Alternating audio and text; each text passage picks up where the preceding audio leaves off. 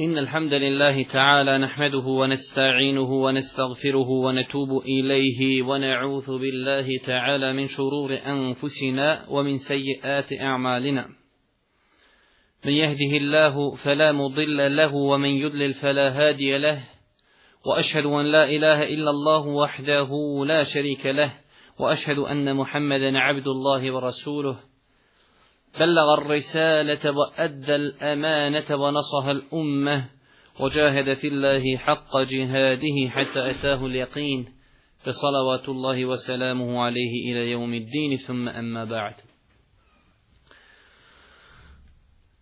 Cijenjena braćo, kao što znate, mi smo ove zime odlučili da se družimo sa 40 hadisa imama Nevevija,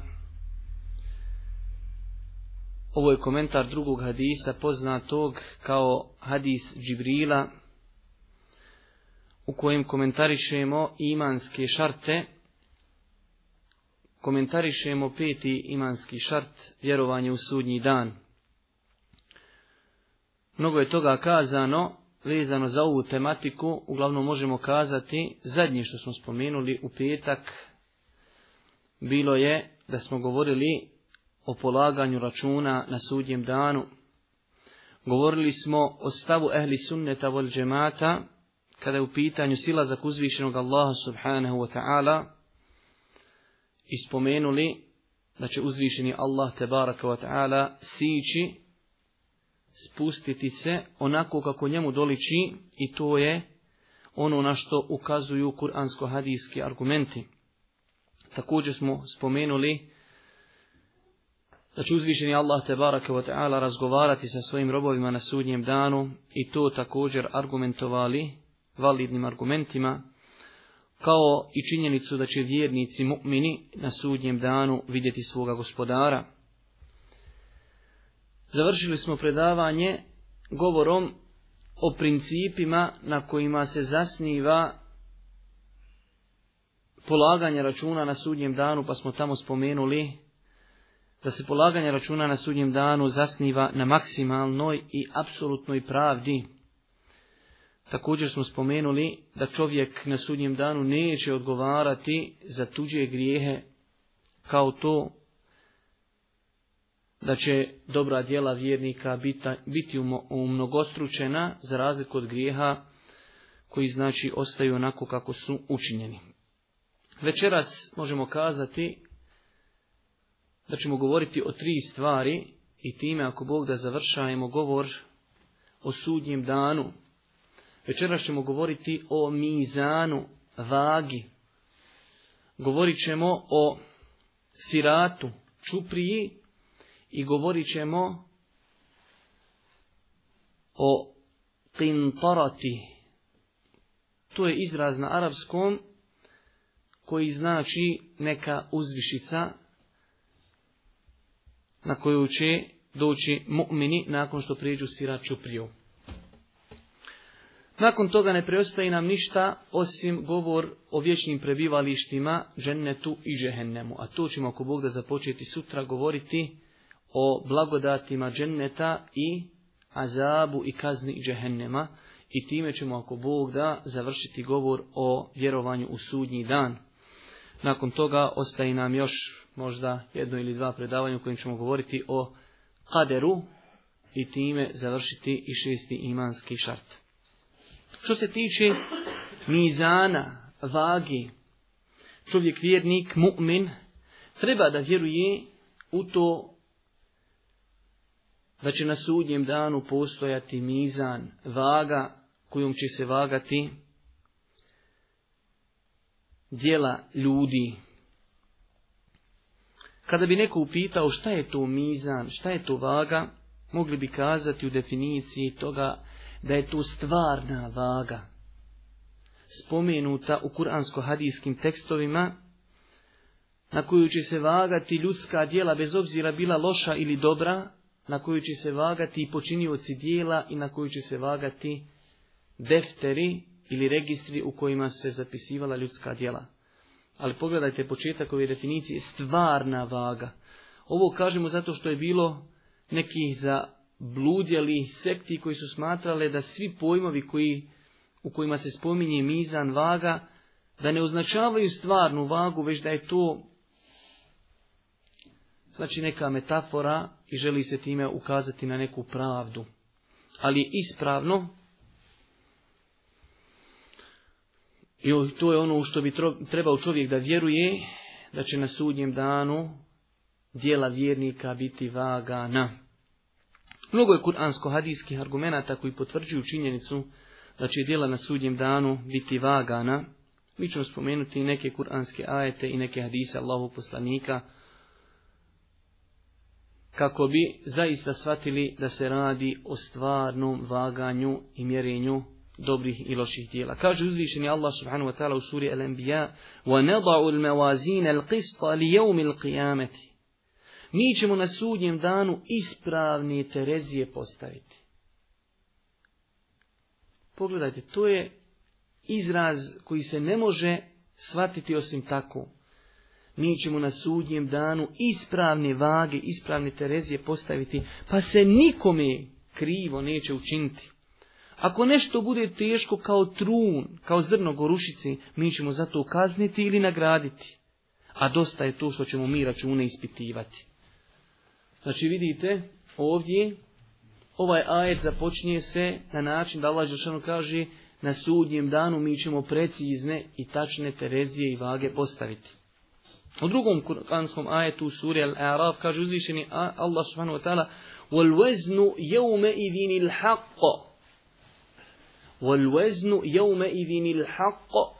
Vaganje, mjerenje tog dana bit će precizno, bit će tačno, bit će potpuno. Volveznu i ivinil haqo. Vaganje tog dana će biti precizno i potpuno. Onaj ili oni čija dobra djela prevagnu, oni će što žele postići, a oni čije dobra djela budu lahka, oni će zato što dokaze naše nisu priznavali stradati. Ali pogledajte ovaj početak kuranskog ajeta Vaganje i mjerenje tog dana će biti pravedno. I hvala uzvišenom Allahu kada će doći dan u kojim će se pravedno vagati. Što se tiče hadisa Allahog poslanika, oni su također mnogobrojni koji potvrđuju činjenicu da će na sudnjem danu postojati vaga i da će se vagati dobra djela. Jedan od hadisa, svima vama poznat hadis koji izbilježi Buharija i Muslim, je Allah poslanik kazao, hafife tani, ala lisani, tani, fil mizani, tani, ila rahmani, subhanallahi ve bihamdi, subhanallahi ila azim. Dvije riječi, lahke na jeziku, a teške na mizanu, a draga rahmanu. Ali pogledajte, teške na mizanu. Ako neće biti vaganja dijela, kako onda nešto može biti teško? Znači ovaj hadis nam potvrđuje činjenicu da će se dijela na sudnjem danu vagati. Pa kaže Allahu poslanik subhanallahi ve bihamdihi subhanallahi alazim. To su te dvije riječi koje su lake na jeziku, teške na vagi, a drage milostivom Allahu subhanahu wa ta'ala. U drugom hadisu Kaže se da je Allah poslanik rekao hadis koji muslim.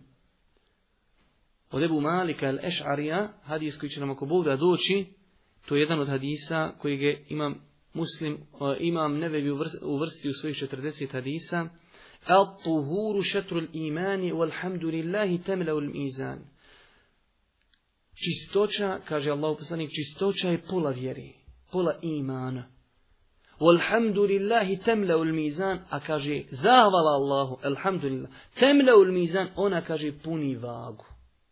Opet nam se spominje vaga, što znači dijela će se na sudnjem danu vagati. Prošli put, oni koji se sjećaju, koji su bili u petak, spomenuli smo jedan interesantan hadis i potvrdili smo onaj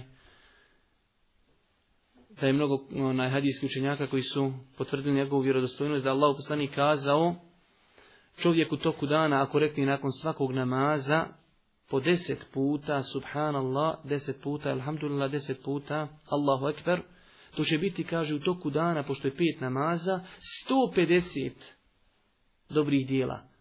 Ali kaže Allah poslanik, pedeset na jeziku, ali pošto se dijela desetorostruko nagrađuju, kaže, hiljedu i po na mizanu, hiljedu i po na vagi. Opet na vagi. Potvrđujemo činjenicu da će se dijela vagati. Kaže Allah poslanik alaihi salatu wasalam hadisu koji je zabilježio imam et vi se rodostin lancem prenosilaca Ma min še'in ethhalu fi mizani mumin jevme al qiyameti min huluqi hasan. Ne postoji ništa teže na vagi mu'mina na sudnjem danu od lijepog ponašanja. Hadis iz zabilježen imam Tirmidhi sa vjerodostojnim lancem prenosilaca. Ne postoji ništa teži. Znači to najviše obara ona jedan tas vage, a to je onaj gdje su dobra djela. Znači to je nešto najteže na sudnjem danu lijepo ponašanje. Također u hadijskoj izbilježi imam hakim stoji da Allah poslanik ali salatu wasalam kazao na sudnjem danu će se donijeti vaga, mizan. Kaže, toliko je ogromna i velika, da kada bi se na nju stavila nebesa i zemlja, mogla bi ih izvagati. Pa će meleki kazati uzvišenom Allahu subhanu wa ta'ala, kome ćeš vagati ti ovdje, šta je ovo, zbog čega je? Kaže, od onih svojih robova, kome hoću od robova, ja ću vagati njegova djela. Pa kada su to čuli, kazali su, valje neka si gospodaru, zaista te nismo obožavali onako kako treba istinskim obožavanjem. Iako su meleki nepogrešiva stvorenja, ali kada su vidjeli tu preciznu i veliku vagu, kažu, valje neka si gospodaru, zaista te mi nismo obožavali istinskim ibadetom. Ovdje se postavlja jedno interesantno pitanje koji će nam ako Bog da ojačati naš iman i vjerovanje i kazali smo da je suština ovog našeg druženja iako ovu jesu edukativna predavanja, ali edukativna predavanja to su predavanja koja na kraju krajeva čvrstnu čovjeka i njegov iman jačaju. I to je ono što će čovjeku, ako Bog da, prosvijetliti i osvijetliti njegov životni put. Kada se govori o mizanu, vaganju dobrih dijela, to neminovno nosi sa sobom tragove, a to je da čovjek se priprema za sudnji dan, da razmišlja, a pa djela će se vagati. Šta sam uradio? Koliko sam uradio? Koliko sam spreman? Šta će biti na moju, na vagi mojih dobrih djela, a šta na loši? I tu znači jača čovjekov iman. Onda se postavlja pitanje šta će se tu sve vagati na sudnjem danu. Opet kažemo zašto? Da bi čovjek znao da se pripremi. Što se vagat kamini. Šta će se vagat? Tri stvari, braću moja draga, će se Vagati na sudnjem danu kao što su nam spomenuti, kao što je spomenuto vjerodostojnim i validnim argumentima. Vagaći se djela. Vagaći se počinioci djela. I vagaći se defteri gdje su djela zapisivana. I sve ima svoju težinu. Djela. Zato čovjek treba paziti šta će uraditi, zato što će se djela vagati. Tijelo, počinioc, zato čovjek treba da pazi šta će raditi, jer će on stajati na vagi. I na kraju i defteri. Zato čovjek treba da pazi šta će se u taj njegov defter zapisati. Jer to što se zapiše, to ima svoju težinu. Normalno, mi smo mnogo puta spominjali kada govorimo o imanskim šartima i o gajbu, ne može čovjek ništa govoriti osim na osnovu kuransko-hadijskih argumenata. Tu nema prostora za razum. Ovo sve što sam ja vama rekao, ako nema validnog argumenta za to, to je pada u vodu. Znači sve što govorimo o sudnjem danu, o džennetu, džehennemu, o polaganju računa mora biti zasnovano na argumentima. Što se tiče činjenici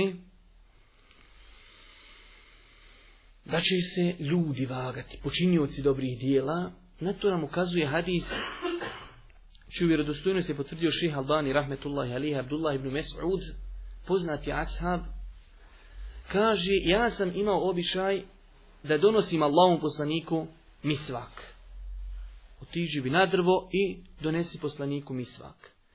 Kaže, pa sam jedne prilike otišao da donese misvak, pa je vjetar zagrnuo njegovu odjeću, pa su se ugledale njegove potkoljenice. A kaže se u hadisu, kaže, njegove potkoljenice su bile izuzetno mršave, tanke. Pa su oni koji su gledali Abdullah ibn Mes'uda nasmijali se tankoći i slaboći njegovih potkoljenica. Pa je Allah poslanik upitao, kaže, zašto se smijete? Šta je to uzrokovalo vaš smije? Pa kažu, Allah poslaniče, smijemo se tankoći njegovih nogu i njegovih potkoljenica. Kaže Allah poslanik alaih salatu wasalam, nefsi bi jedih, Lehuma fil mizani min uhud, Tako mi onog u čijoj ruci je moja duša zaista su te dvije njegove potkoljenice na vagi, na mizanu, teže kod Allaha, kaže, nego brdo Uhud. Allahu akbar. Znate koliki je Uhud? Oni koji nisu vidjeli, možete pored ovdje sa grmećom našim. Kaže, te dvije potkoljenice na vagi, što znači potkoljenice će se vagat, počinioci dobrih dijela. Kaže, one su teže kod Allaha nego čitavo brdo Uhud. A u drugom hadisu, koji opet potvrđuje činjenicu da će se ljudi vagat, hadis koji izbiližu Buharija i Muslim, kaže Allahu poslanik alaihi salatu wasalam, doći će se na sudnji dan sa debelim, velikim, ogromnim čovjekom, a on kaže na mizanu, na vagi, kod Allah ne vrijedi nikoliko je krilo mušici. Primjeti čafir, nevjernik, krupan, 150 kila, ali kufr. Džaba stavi, stavi ga na vagu, ne vrijedi ni koliko je krilo mušice. Pogledajte s druge strane Abdullah ibn Mesud, sitan, mršav, a njegove samo potkoljenice su teži kod Allaha na toj vagi od vrda Uhud. Sve ovo govorimo kako bi argumentovali činjenicu da će se ljudi, počinjuci dijela vagati na sudnjem danu i zato kažem u tom je podstrijek čovjeku da čuva sebe, da čuva svoje tijelo jer će doći dan kada će se to tijelo koje je činilo dobra djela ili loša vagati. Što se tiče argumenata da će se djela vagati, vidjeli smo tamo onaj hadis dvije riječi, lahke na jeziku, a teške na vagi. Šta su riječi, to je djelo. Ili onaj hadis, Alhamdulillahi temla'ul mizan, zahvala Allahu, opet djelo, puni, kaže mizan. Znači, opet sve to ukazuje da će se i djela vagati. Imamo treću činjenicu da će se vagati registri. I to čovjeka motiviše da pazi šta će se u taj njegov registar zapisati. Jer će se registri vagati na sudnjem danu. U Hadijsku ih je imam Tirmizi, Ibnu Maže, Ibnu Hibban,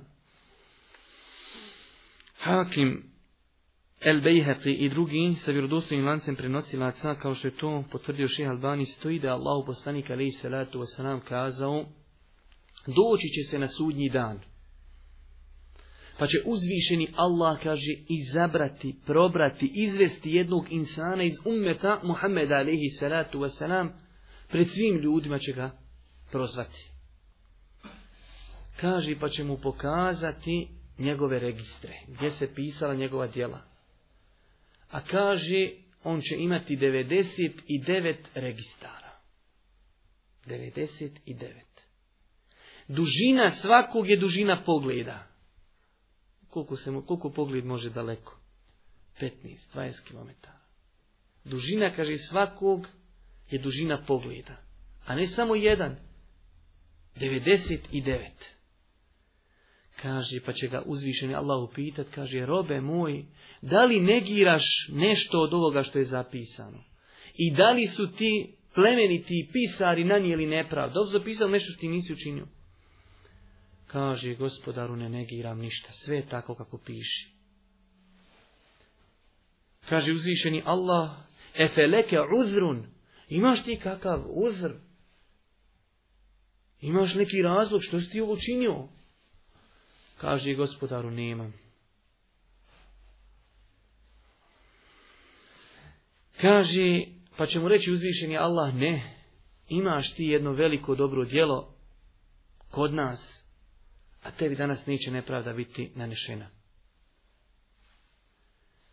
Kaže, pa će narediti uzvišeni Allah, pa će se donijeti bitaka.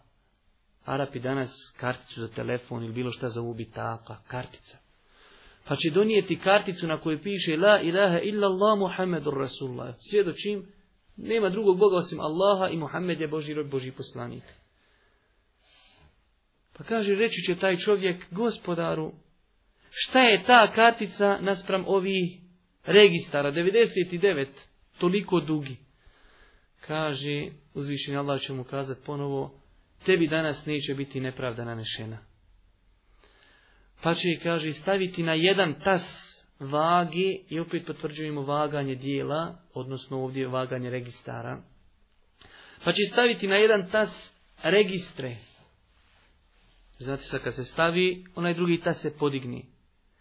Kaže pa kada stavi na taj drugi tas tu bitaku, to što je čovjek izgovarao la ilaha illallah Muhammedur Rasulullah na toj bitaki zapisano, ne samo da će polako prevagnuti te njegove registre. Kaže Allah u poslanih, fetašeti pa će odletiti. Znate sad kad, ono, kad imate nešto vamo na jednoj strani, pa mnogo nešto teže stavite.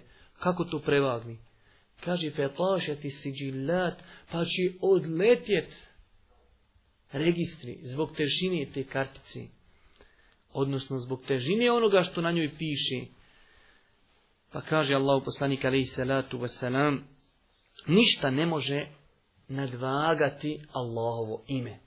Ništa ne može nadvagati Allahovo ime. Mi smo ovo sve citirali kako bismo potvrdili činjenicu da će se na sudnjem danu vagati tri stvari, počinioci, njihova djela i na kraju krajeva njihovi registri. To je, braću moja draga, nešto što bi minimalno trebao da zna čovjek vjernik, vezano za ovu tematiku mizana, da vjeruje da postoji stvarni mizan vaga, kojom će se vagati ljudska djela na sudnjem danu, kao i počinioci, kao i njihovi registri. Nakon toga, znači mi pokušajemo kroz ova naša predavanja držati neki onaj redoslijed, iako čovjek nekada ne može tvrditi kojim redoslijedom će se sve dešavati radnje na sudnjem danu. Ali sve što spomenemo će se desiti na sudnjem danu, ali nekada možda redoslijed nije posto onako kako mi govorimo, jer nekada ne postoje argumenti kojim redoslijedom će to ići. Ali, općenito kada se završi polaganje računa i vaganje dijela, postavit će se sirat čuprija preko džehennema, preko koje će prelaziti ljudi. Zato kažemo, od vjerovanja u sudnji dan jeste i to da čovjek vjeruje u postojanje prelaska preko sirata, preko čuprije. Ista ta stvar opet čovjeka motiviše da ustraje u svojoj vjeri, jer on zna da će ljudi prelaziti preko sirata shodno njihovim djelima. A o tome ćemo ko Bog da malo poslije. Kada bi nas neko upitao šta je to sirat, šta je to čuprija, mogli bi mu kazati u definiciji toga, to je čuprija ili most, sirat, spominut u kuransko-hadijskim argumentima,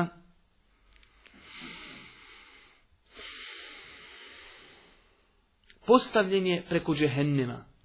Sirat, čuprija, je postavljen preko džehennema, preko njega će ljudi ući u džennet. Preko njega će vjernici ući u džennet, a brzina njihovog prelaska ovisi o njihovim dobrim dijelima. Znači, to je neka definicija Sirapa ili čuprije, da je to neki most spomenut u kuransko-hadijskim argumentima, postavljen preko džehennema, preko njega će vjernici ući u džennet a brzina njihovog prelaska ovisi o njihovim, njihovim dijelima. To je znači definicija sirata ili čuprije. Islamski učenjaci u pogledu pitanja ko će to sve prijeći preko sirata, znači ko će biti izložen prelasku preko sirata, a poznato je znači da će završiti tamo s druge strane samo mu'mini, vjernici. Ali postoji pitanje ko će sve biti izložen hodanju po siratu, postoji razilaženje kod islamskih učenjaka, pa jedan broj učenjaka kaže da će sirat samo prelaziti mu'mini, vjernici i munafici.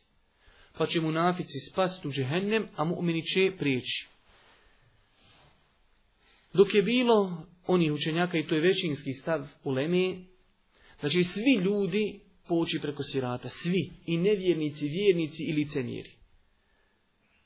I samo će vjernici prijeći, a licemjeri i nevjernici će pasti u džehennem.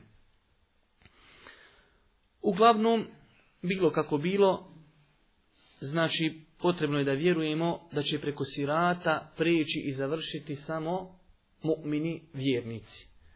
A ostali će završiti u džehennemu da li zato što će spasti sa, džehe, e, sa sirata ili zato što će prije toga ući u džehennem, Allah Želšanu najbolje zna. Što se tiče argumenata koji nam potvrđuju postojanje sirata, jer kazali smo sve što spominimo, moramo zato donijeti argument. Sada kada neko priča o siratu, ne može pričati osim da nam donese kuransko-hadijski tekst koji potvrđuje postojanje nečega što se zove sirat. Ako bi pošli u Kur'an tražiti, ne bismo našli tamo argument koji nam jasno potvrđuje postojanje sirata, čupri. Či znači, postoje neki ajeti koji indirektno ukazuju na sirat, Znači mu fesiri su kazali za ti ajeti odnosi na sirat. Ali ne postoji ajet u kojem stoji sirat. Riječ, a odnosi se na sirat, znači sirat čoplju. Ali to ni u kom slučaju ne znači da je neispravno, znači da ne treba vjerovati jer izvori ove naše vjere su i Kur'an i sunnet. A u sunnetu Allahu poslanika alaihi salatu wasalam postoje mnogi argumenti koji potvrđuju postojanje sirata. Jedan od njih jeste hadis koji zvilžu Buharija i Muslim, znači istječak iz jednog hadisa, duže, pošto ovi hadisi o sudnjem danu su izuzetno dugi hadisi, po dvije, tri stranice. Pa znači učenjaci samo spomenu isječak koji je potreban da bi dokazali ono o čemu govori. Pa se znači u jednom od tih hadisa stoji da će biti, kaže Allahu poslanik, judrabu siratu bejna i džehennem, pa će biti postavljen sirat nakon polaganja računa preko džehennema. Kaže Allah poslanik, pa ću ja i moj ummet biti prvi koji će prijeći preko sirata. To je ono što treba čovjek da vjeruje u postojanje sirata i da vjeruje da će Muhammed a.s. i njegov ummet prvi prijeći preko sirata. Kaže Allah u u nastavku, tog dana na siratu neće, kaže, pričati niko osim vjerovjesnici. Niko riječ kazat neće. A oni ono što budu govorili samo će biti dova al rab Allahumme selim selim. Gospodaru spasi, spasi. To će samo oni govoriti. Znači nema druge riječi. Niko osim njih neće pričati. Jedino ko će pričati su vjerovjesnici, poslanici, koji će govoriti samo dvije riječi. Allahumme sellim sellim gospodaru, spasi, spasi. Ništa više. Kaže Allah u nastavku, Ofi džehenneme kelalib, u džehennemu će biti kuke, kao bodlje sa'dana. Sa'dan je jedno bodljikavo trnje, drvo koje ima bodlje. Pa kaže Allah poslanik, dočaravajući ashabima te bodlje, kaže, džehennem ima bodlje ili kuke, kao kaže bodlje i kuke drveta, biljke koja se zove sa'dan. A veličinu tih kuka, kaže, ne zna niko osim uzvišeni Allah subhanahu wa ta'ala. Također imamo drugi hadis, također vjerodostojan za bilježnog Buharija i Muslim. Već smo neke dijelove ovog hadisa citirali u našim prethodnim predavanjima, kad su došli ashabi Allahom poslaniku i kažu Allahu poslaniče, ćemo li mi vidjeti naših gospodara na sudnjem danu? Hel nera rabbena jeumel qiyame, hoćemo li mi vidjeti našeg gospodara na sudnjem danu, kaže Allahu poslanik.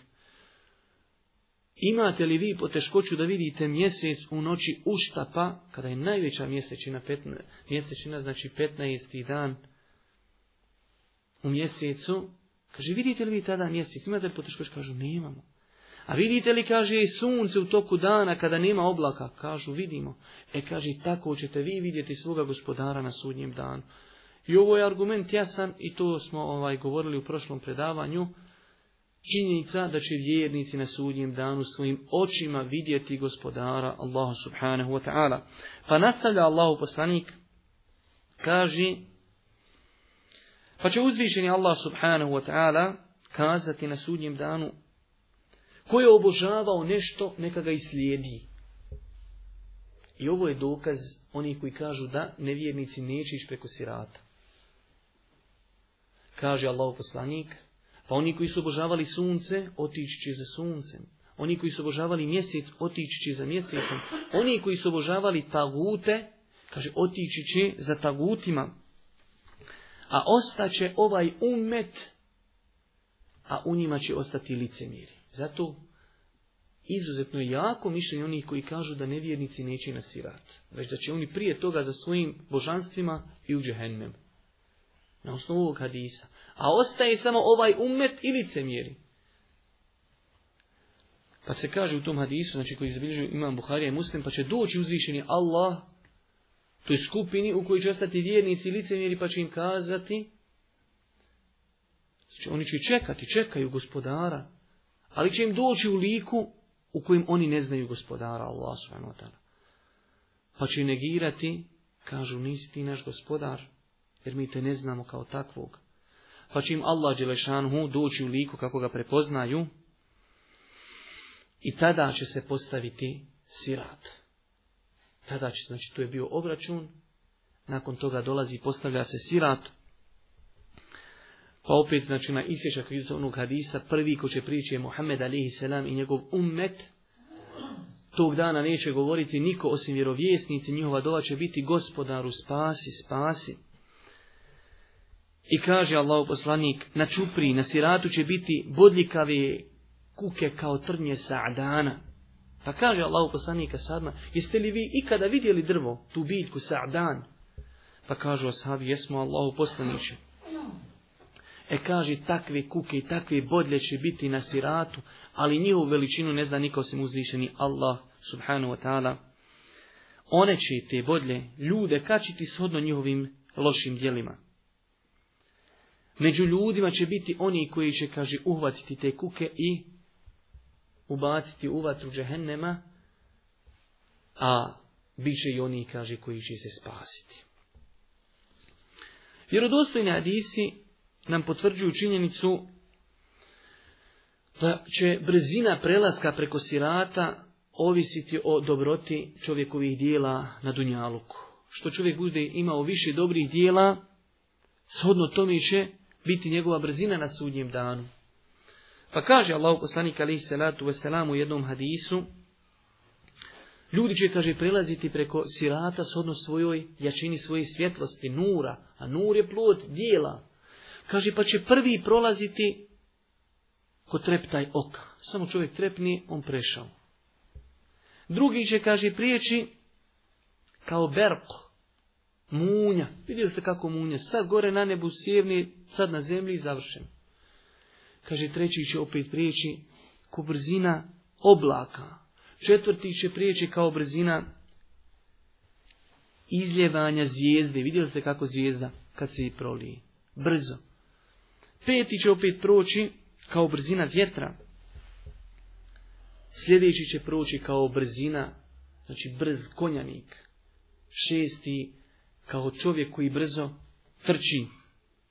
I zadnji čovjek Kaže Allahu poslanik, zadnji koji bude prolazio preko sirata će biti čovjek koji će imati samo svjetlosti na vanjštini svojih stopala.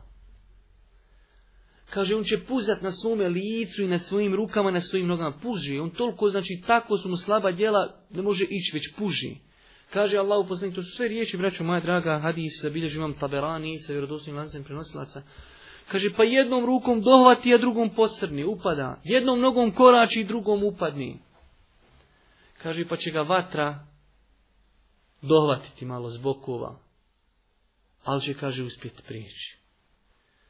Kaže, kad, se, kad prijeđe okrenut će se i kazati, hvala Allahu, kaže, Allah nikome nije dao veću blagodat nego meni.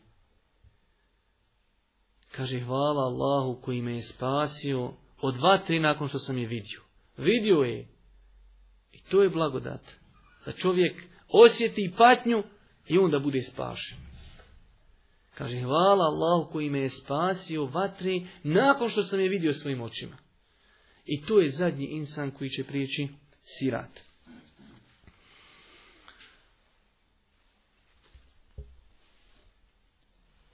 Ima u kuransko-hadijskim ajetima, kuransko-hadijskim tekstovima spominje se jedna riječ, el Burud, dolazak. Ne bi puno da vas s time opterećujem, ali znači interesantno i lijepo je znati islamsku učenjaci kada god u akidi pišu knjige spominju taj termin el wurud, izlaganje nečega nečemu. A to je pitanje ko će sve biti izložen vatri džehennema. Jer kaže uzvišeni Allah subhanahu u suri Marjem Wa im minkum illa I svaki od vas će do njega stići. Svako će biti variduha, svako će biti izložen vatri. Odnosno, to je jedan od komentara i tumačenja ovog kuranskog ajeta islamski učenjaci se razišli. Šta, šta znači ovaj vurud, izlaganje? Velik broj je kazao to znači ljudi će biti izloženi svi vatri džehennema. Svi će doći vidjeti vatru džehennema.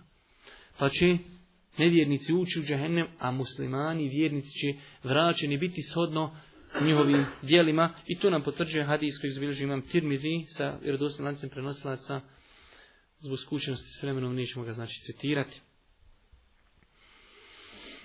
I zadnja stvar o kojoj ćemo govoriti večeras od ovih stvari, znači redoslijede neki polaganje računa, sirat, čuprija i sada mi ostajemo sa jednom skupinom, jer jednu smo izgubili, a to su nevjernici i licemjeri, oni su pali u džehennem, o njima ćemo, ako Bog da, kada budemo govorili o džehennemu. Ali sada je, s nama ostaju mu'mini, gdje će oni? Hoće li direktno ući u džennet? U vjerodostojnim hadisma se spominje da mu'mini kada prijeđu sirat, doći će na mjesto koje se zove para, a to u arapskom jeziku prevedeno znači na neku uzvišicu između dženneta i džehennema, gdje će se prije nego što uđu u džennet halalt jedni s drugima. Da kako kada budu u džennetu, niko nema ništa protiv nekog drugog. Znači, ulazi čisti grudi, čisti srca i u džennetu žive bez zlobe u srcima. Znači, položili račune, prošli sve, još je samo ostalo da jedni drugima halali. Kaže Allah poslanik alaih salatu wasalam u hadijskoj zabilježu imam Buharija. Iza halasa al min an nari, hubisu bil qintara, kada mu'mini pređu vatru, kada prođu vatru, završi, hubisu, bit će zaustavljeni na qintari, na tom uzvišenju. Između dženneta i džehennema. فَيَتَقَاصُونَ valime bejnehum فِي Fi Pa će se, kaže, međusobno halaljivati ili dogovarati zbog nepravdi i prava sa dunjaluka. Hatta idha nuku wa huzibu, sve kaže dok se ne očiste, sve dok se ne, znači sve ono što su imali jedni prema drugima dok se ne riješi uzine lehum bi duhulil dženne. Kada to uradi, kada se očiste njihove grudi od svih tih prava i halala, tada će im, kaže, biti data dozvola da uđu u džennet. Kaže Allah poslanik na kraju ovog hadisa, tako mi onog u čijoj ruci je moja duša, vi ćete bolje poznavati svoje mjesto u džennetu nego što poznajete svoje mjesto boravka na Dunjaluku.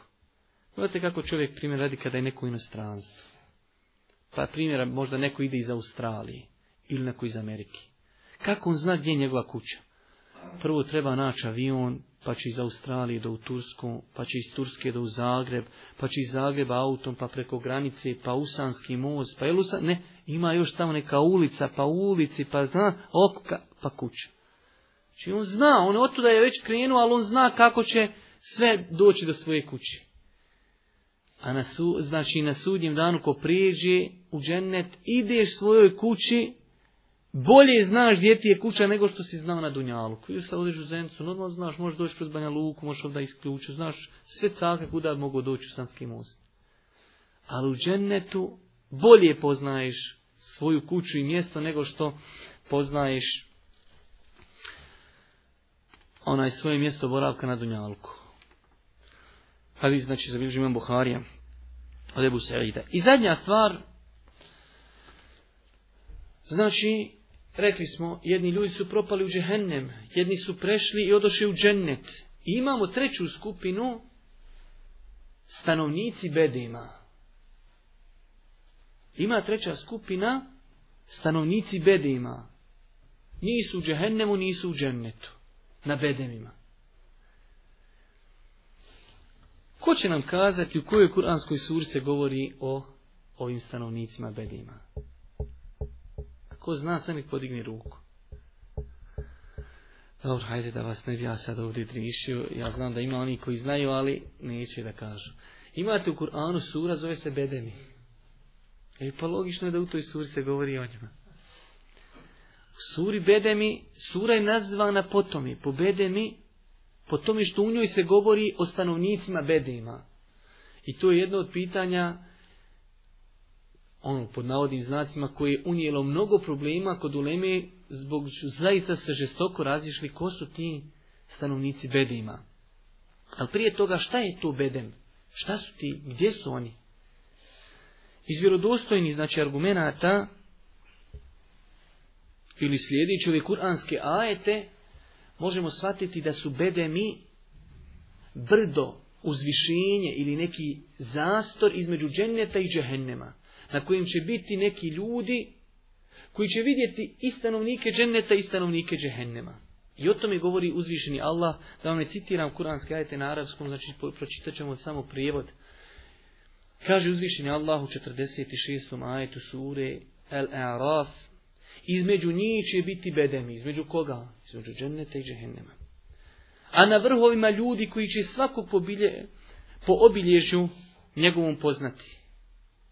I oni će stanovnicima dženneta doviknuti. Znači sada gledaju stanovnike dženneta. Pa kažu, selamun, mir vama, selamun alejkum. Dok još ne uđu u njega, a jedva čekaju.